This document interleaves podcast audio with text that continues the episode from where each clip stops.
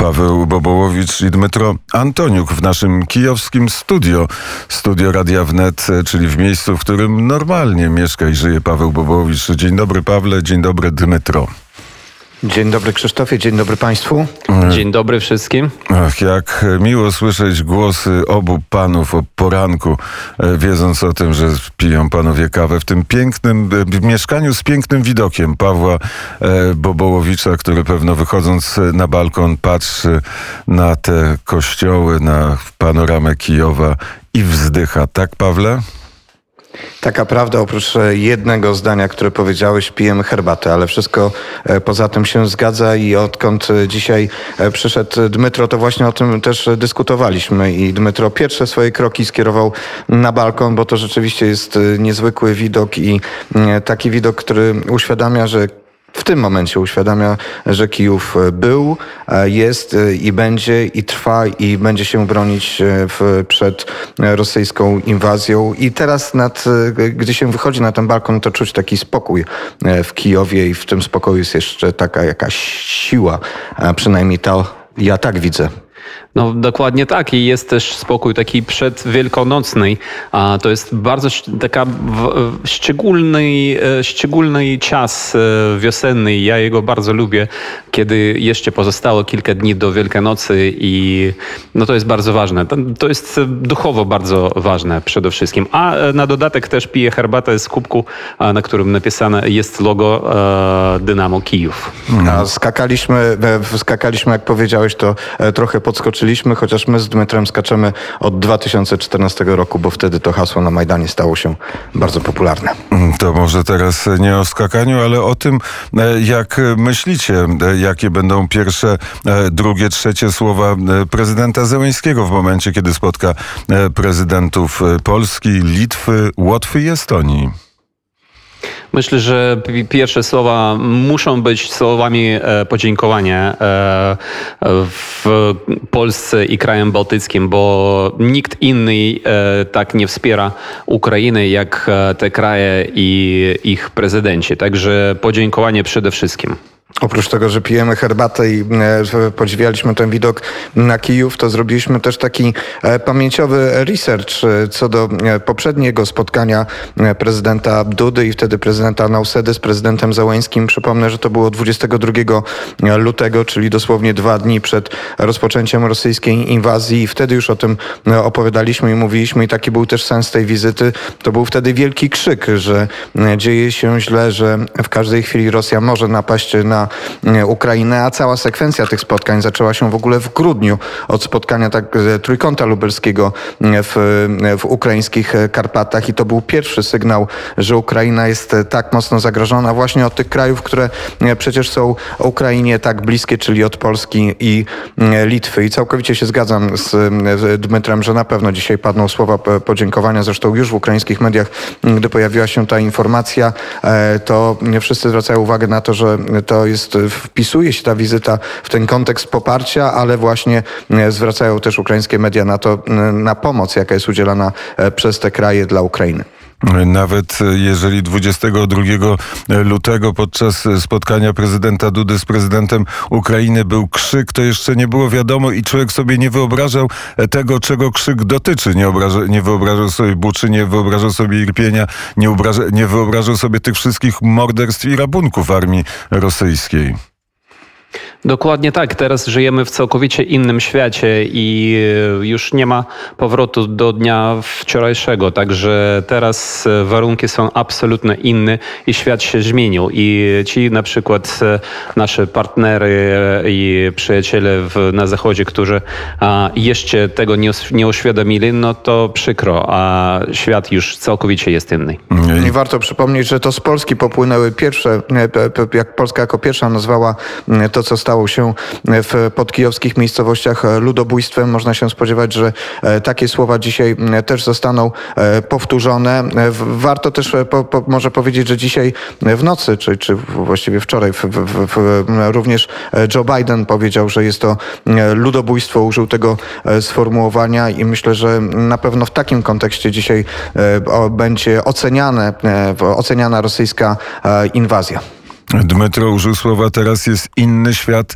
Wy e, doświadczacie, Dmytro, przez e, cały czas e, wojny. Paweł, jeżdżąc na Ukrainę i wracając do Kijowa, co, co chwilę widzisz ten inny świat. Opowiedz o tej inności. No cóż, Kijów jest twierdzą, jest fortecą i e, znów e, w naszych mediach co, codziennie jest informacja, że e, Kijów nie jest całkowicie bezpiecznym miastem, że może być druga fala uderzenia wroga na Kijów i to jest całkiem możliwe. Także tutaj życie jest po prostu jak w stanie wojennym i, w, i widać dzisiaj, ja, ja przecież jestem na, naprawdę po raz pierwszy od 24 lutego na, w tej dzielnicy Podół na kijowskiej, którą bardzo kocham, a, a przyjeżdżałem i widzę, że moje ulubione kawiarni są zamknięte. No może jeszcze za rano jest e, po prostu dzisiaj, ale a, też pytałem u Pawła, jak to z tymi kawiarni, kawiarniami i on mówił, że tak, nie wszyscy są otwarci. Wygląda na to, że ja wiem najwięcej o kawiarniach, ale e, rzeczywiście wczoraj byłem w takiej kawiarni, w ciocia Klara i to było przyjemne, że ta kawiarnia e, pracuje i działa, ale to wszystko jakoś przypomina o wojnie, dlatego że też nie działa w sposób normalny. Są ograniczone możliwości dostaw e, produktów do Kijowa, w związku z tym ten asortyment, który jest w takich miejscach, które jednak zdecydowały się na to, żeby się otworzyć, żeby jakoś funkcjonować w, w, w tym, w, w tej całej sytuacji, to oczywiście jest ograniczone ograniczony i to wszystko wygląda całkowicie inaczej. Wczoraj nawet wypiek chleba w tej e, kawiarence. E, chleb był składany od razu e, w siatki po, po kilka sztuk i te siatki od razu jechały na front, no, jechały do chłopaków, do, do, do tych, którzy, którzy walczą i właściwie wszystko, co się dzieje, nawet jeżeli ma ten taki element normalności, jest związane z frontą, z frontem. Ten nasz Czeburek, o którym stale opowiadamy, gdy wczoraj tam wszedłem, to oczywiście był wypełniony ludźmi w mundurach, tymi, którzy przez chwilę tej normalności, przez chwilę tego oddechu, bo teraz obwód kijowski, tak jak opowiada stale Dmytro i mówił pierwszy o tym u nas na antenie, został wyzwolony z rąk Rosjan, to mają niektórzy chwilę oddechu i mogą na przykład pojawić się w restauracji, ale to tak nie wygląda łatwo w tych terenach wokół Kijowa, tam gdzie po prostu przed chwilą jeszcze była rosyjska okupacja. Te tereny cały czas jeszcze zmagają się i z pozostałościami po, po Rosjanach, pozostałościami takimi materialnymi. Tereny są po prostu e, zniszczone, zrujnowane. Nie działa prąd, e, nie działa woda, nie działa gaz, chociaż Ukraińcy e, starają się jak najszybciej właśnie wznowić przede wszystkim dostarczanie mediów. Są uruchamiane drogi, uruchomiono most, który został wysadzony na rzece Irpień, i, ale częściowo przejeżdża się tym mostem takim jednym pasem nad wielką dziurą i most jest złamany, więc no, nie da się całkowicie powiedzieć, że nawet tu, gdzie nie ma już Rosjan, że, wraca to tak szybko i od razu mm, do życia. Ale oczywiście największym problemem e, pozostaje e, to, co stało się z ludźmi na tych terenach, a skala, mm, skala mm, brutalności e, tego, co zrobili Rosjanie, po prostu jest niewyobrażalna. I to jest bardzo ciężkie do, do, do, do opowieści, to jest też bardzo ciężkie do tego, żeby zebrać te opowieści, wysłuchać tych opowieści tam bezpośrednio na miejscu, jak byliśmy z metrem Przedwczoraj byliśmy w tych miejscowościach i nagrywaliśmy relacje ludzi, którzy przeżyli e, okupację albo częściowo przeżyli, bo niektórym udało się w pewnym momencie uciec. To przecież te opowieści są e, przepełnione e, tymi informacjami o zabójstwach, o mordach, o gwałtach, o rabunkach. Widzieliśmy ślady tego bestialstwa Rosjan i to absolutnie przekracza wyobrażenie. Masz rację, Krzysztofie, że 22 lutego, nawet gdy padały słowa o tym, że zbliża się mm, wojna, to być może wyobrażaliśmy sobie ją w jakiś taki sposób, e, że no to może jest ciężkie stwierdzenie, że wojna może być bardziej cywilizowana albo mniej cywilizowana, ale wydawało się, że być może gdy się sięga po broń, to mm, nie będzie zastosowana e, ta nieludzka broń, bo jedną z wielkich zbrodni e, przeciwko ludzkości, zbrodni wojennej są gwałty, a one są powszechne, powszechnie stosowane przez wojska rosyjskie. Tutaj w komentarzach, oficjalnych zresztą komentarzach biura do spraw e, człowieka Ukrainy, pełnomocnika do spraw człowieka Ukrainy. E, mówi się o tym, że Rosja zastosowała e, gwałt jako jeden z elementów w nacisku i wywarcia presji na społeczeństwo ukraińskie, dlatego wcale tego nie ukrywa, dlatego mm, jest to robione na taką skalę i nie ma żadnej, żadnej najmniejszej nawet szansy, żeby pociągnęła swoich żołnierzy, którzy, dop którzy dopuścili się takich zbrodni, żeby ona sama pociągnęła ich do odpowiedzialności, bo przecież ona wszystkiego się wypiera. Rosja wypiera każdą z metod, które stosuje od ostrzału rakietowego, od ostrzału artyleryjskiego, od zabójstw. Twierdzi, że ona tego nie dokonuje. Przecież cały czas obciąża odpowiedzialnością Ukrainę za tę wojnę, a Rosja walczy z jakimś rzekomym nazizmem tutaj na tych terenach. A jak ma, po, a jak ma postępować armia, skoro jej e, dowódca, prezydent Rosji uważa, że po prostu na świecie nie ma Ukraińców? No dokładnie tak. To w, oni takie postępują w taki sposób, bo e, powtarzam też, że w, też zgodnie z koncepcją oficjalną, która została opublikowana w, na, na łamach strony RIA Nowości, e, że po prostu trzeba deukrainizować, a więc deeuropeizować e, ten kraj i w ogóle nawet e, wymazać nazwę Ukraina, a powrócić tą nazwę z czasów e, Imperium Rosyjskiego Malorosja albo jeszcze Noworosja. Tak, e, także jest e, taki cel ogólny, powiedziałbym, cel Putina. Ale ta ideologia zderza się też z ukraińską rzeczywistością i w tych relacjach, które były nam przekazywane, widać, że po prostu rosyjscy żołnierze, którzy tutaj wkraczają, oni są zszokowani tym, że jest kraj, który e, wywodzi się w pewnym sensie z tego samego e, miejsca politycznego ze Związku Sowieckiego, ale kraj, który teraz tak bardzo się różni od tego, do czego oni e, przywykli. Ich po prostu absolutnie zaskakuje normalność Ukrainy, bogactwo mieszkańców, bogactwo tych niewielkich miejscowości, bo oni też bardzo często pochodzą z niewielkich miejscowości i tak jak w relacji jednej z mieszkanek mm, w, w miejscowości, w której byliśmy, 18-letniej e, dziewczyny mówiła, że gdy rozmawiała z rosyjskim żołnierzem niewiele starszym od niej, e, to on jej powiedział, że e, u nas świnie, u was świnie żyją lepiej niż żyjemy my, mówiąc o, o Rosjanach i mówiąc o tych warunkach, w których funkcjonują. Dlatego ten element grabieży ma tutaj jeszcze jedno znaczenie. To jest po prostu dla nich możliwość wzbogacenia się. To też wynika i widać to i słychać to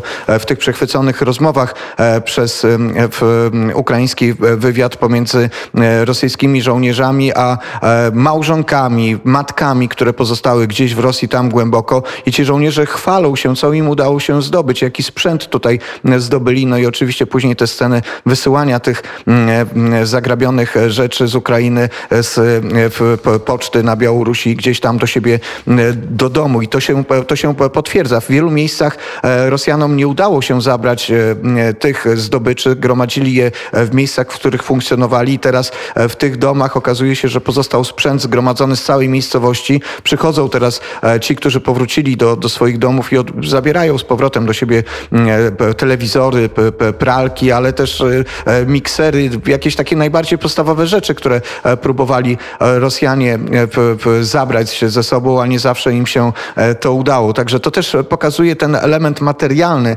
chociaż oczywiście on nie jest tutaj najważniejszy w tej całej e, tragicznej historii, ale on pokazuje tę gigantyczną różnicę, która jest pomiędzy Rosją a Ukrainą i która e, powstała w ciągu tych ostatnich e, lat. I gdy ma się świadomość, jak funkcjonują Rosjanie, gdy trochę się zna Rosję, gdy słyszy się opowieści Rosjan, też zwykłych Rosjan, bo ciągle mówimy o Putinie, ale tych zwykłych Rosjan, którzy są przekonani o wielkości swojego kraju, o tej takiej wspaniałości swojego kraju, to w zderzeniu z, z tymi informacjami e, stąd, właśnie z Buczy, z Irpinia, okazuje się, że to po prostu jest e, małość, zazdrość, zawiść i ona też miała jakiś, e, jest stanowi bardzo ważny motyw działania tych żołnierzy.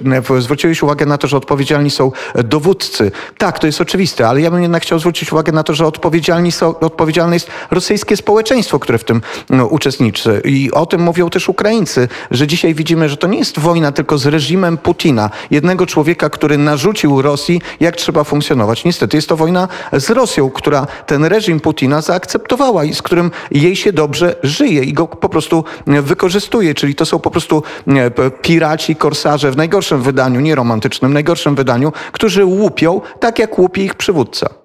E, Dwie, e, dwa, du, dużo pytań jeszcze mamy, mam do Pawła e, Bobołowicza i do, An- do Dmytra Antoniuka, ale e, pierwsze pytanie e, na temat spotkań, które, no bo wiem, że się spotykacie z rozmaitymi osobami, z opowieściami tych osób. Jakie są te opowieści, z kim się spotkaliście?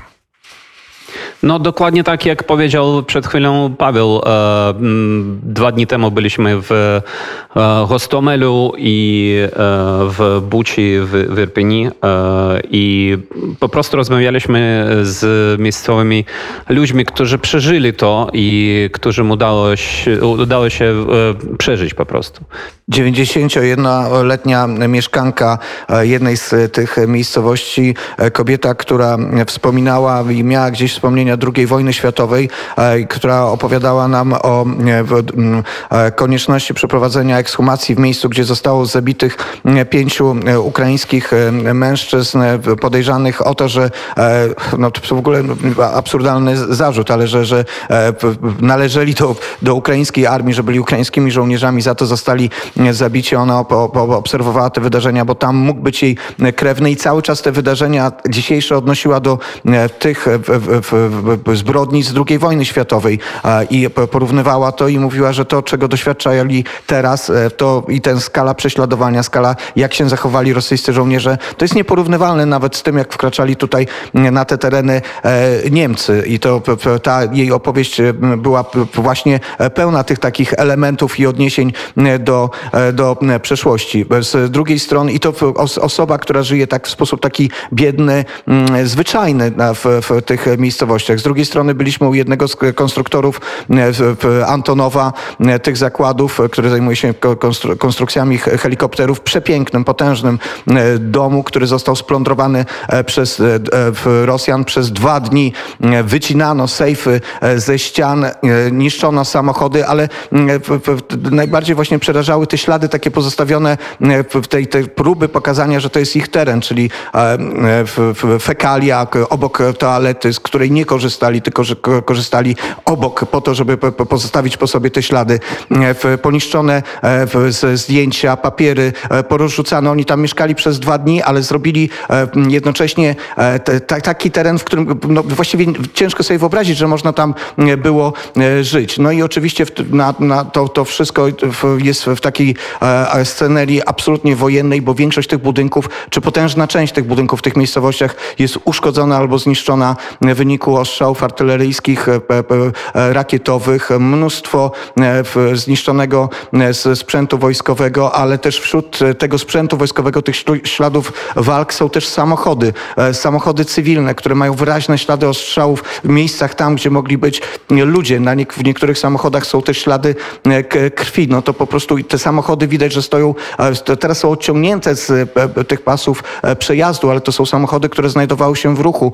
To są ludzie, którzy uciekali. Zresztą mnóstwo jest tych opowieści właśnie e, osób, które opowiadały nam, że mówiły, jak próbowały uciec, mówiono o tym, że będą mogły uciec, ale gdy próbowały wyjść, to e, wtedy Rosjanie do nich strzelali. Przepuszczani byli przez na przykład e, jeden posterunek, a później okazywało się, że na drugim posterunku otwierany jest do nich ogień, albo są zawracani i idą i nie wiedzą, co będzie. Jedna z mieszkanek opowiadała nam, że znalazła się w takiej sytuacji z grupą innych kobiet i dzieci. Znalazły się w tej przestrzeni pomiędzy rosyjskimi posterunkami, nie wiedząc, co jej czeka. Z drugiej strony wzięły białą m, szmatę i szły z tą szmatą, machając i wierząc, że e, nie, nie będzie do nich, nie rozlegnął się do nich strzał i że jakoś przez ten posterunek e, uda się e, przejść. Niektóre osoby przez kilkanaście dni w ogóle nie wychodziły ze schronów albo swoich piwnic i dzięki temu przetrwały. Niektóre osoby w ogóle w takich piwnicach chowały się w domach, gdzie byli Rosjanie, ale Rosjanie ich nie znaleźli. Udawało im się tam przetrwać, prze, przesiedzieć ten czas, gdy, gdy Rosjanie plądrowali e, ich e, domy. No to są opowieści po prostu e, zderzenie naszego świata, świata Polski, spokoju, normalności z tym, co tutaj się dzieje, wywołuje tak wielkie emocje, e, że to e, e, no, no po prostu naprawdę to są sytuacje takie, że człowiek nie jest w stanie czasami uwierzyć, że to jest e, realność. Przed e, Pawłem Bobowiczem i Dmytrą Antoniukiem kolejny, e, kolejny e, trudny e, dzień, choć e, mam nadzieję, że e, słoneczny. E, mnie przejmują jeszcze dwie informacje. Po pierwsze, wyobrażenie sobie e, tego, co przeżywają żołnierze z pułku Azow, którzy bronią Mariupola. E, To jest coś, coś takiego no, przekraczającego wyobraźnię, no bo są w sytuacji od wielu, wielu dni sytuacji militarnie beznadziejnej, a, a, a jednak do ostatniej kropli krwi postanowili bronić ukraińskiego miasta. A druga to decyzja o wysyłaniu e, Ukraińców na Syberię albo za koło podbiegunowe. To są te dwie informacje, o których bym chciał e, kiedyś z Pawłem Bobołowiczem i Dmytro Antoniukiem e, porozmawiać, ale teraz patrzę, Pawle i Dmytro, patrzę na zegarek. Jest godzina 7.37 w Warszawie, w Kijowie jest 8.37. Przy telefonie czeka już generał Waldemar Skrzypczak, więc e, panów e, serdecznie e, pożegnam, życząc e, ciekawego dnia. Przypominam, prezydent Andrzej e, Duda wraz z prezydentami Litwy, Łotwy i Estonii e, jest i będzie dzisiaj e, w Kijowie. Dojeżdża pewno w tej chwili do Kijowa spotkanie e, z prezydentem Zełęskim przed nami. Zobaczymy, czy też będzie wspólny spacer po Majdanie, po tych wszystkich miejscach symbolicznych dla pięknego Kijowa, w którym mam nadzieję, że się kiedyś we trójkę albo w większej grupie spotkamy i przejedziemy przez Ukrainę, wolną Ukrainę. Dmytro Antoniuk, Paweł Bobołowicz, dziękuję bardzo. Dziękujemy serdecznie, chociaż warto dodać, że tym, w tym spacerze e, i w, w krótkim czasie po Kijowie nie pospaceruje prezydent e, Niemiec, który nie jest mile widziany na Ukrainie. A to jest, to, jest, to jest ten komentarz, którego nie może e, zabraknąć, bo rzeczywiście to jest pierwsza, pierwszy przedstawiciel świata zachodniego, którego Ukraińcy powiedzieli, że na razie to nie jest pora na wizytę prezydenta Niemiec. Trochę się Niemcy z tego powodu zdenerwowali. I zdziwili. No ale taka rzeczywiście jest atmosfera mm, i wyraźnie jest tutaj nawiązanie i do przeszłości Steinmeiera, i do jego relacji z Federacją Rosyjską, i do tego niejednoznacznego, czy właściwie jednoznacznego, e, nieprzychylnego Ukrainie stanowiska e, obecnie. Nord Stream 2, z którego zresztą się e, tłumaczy.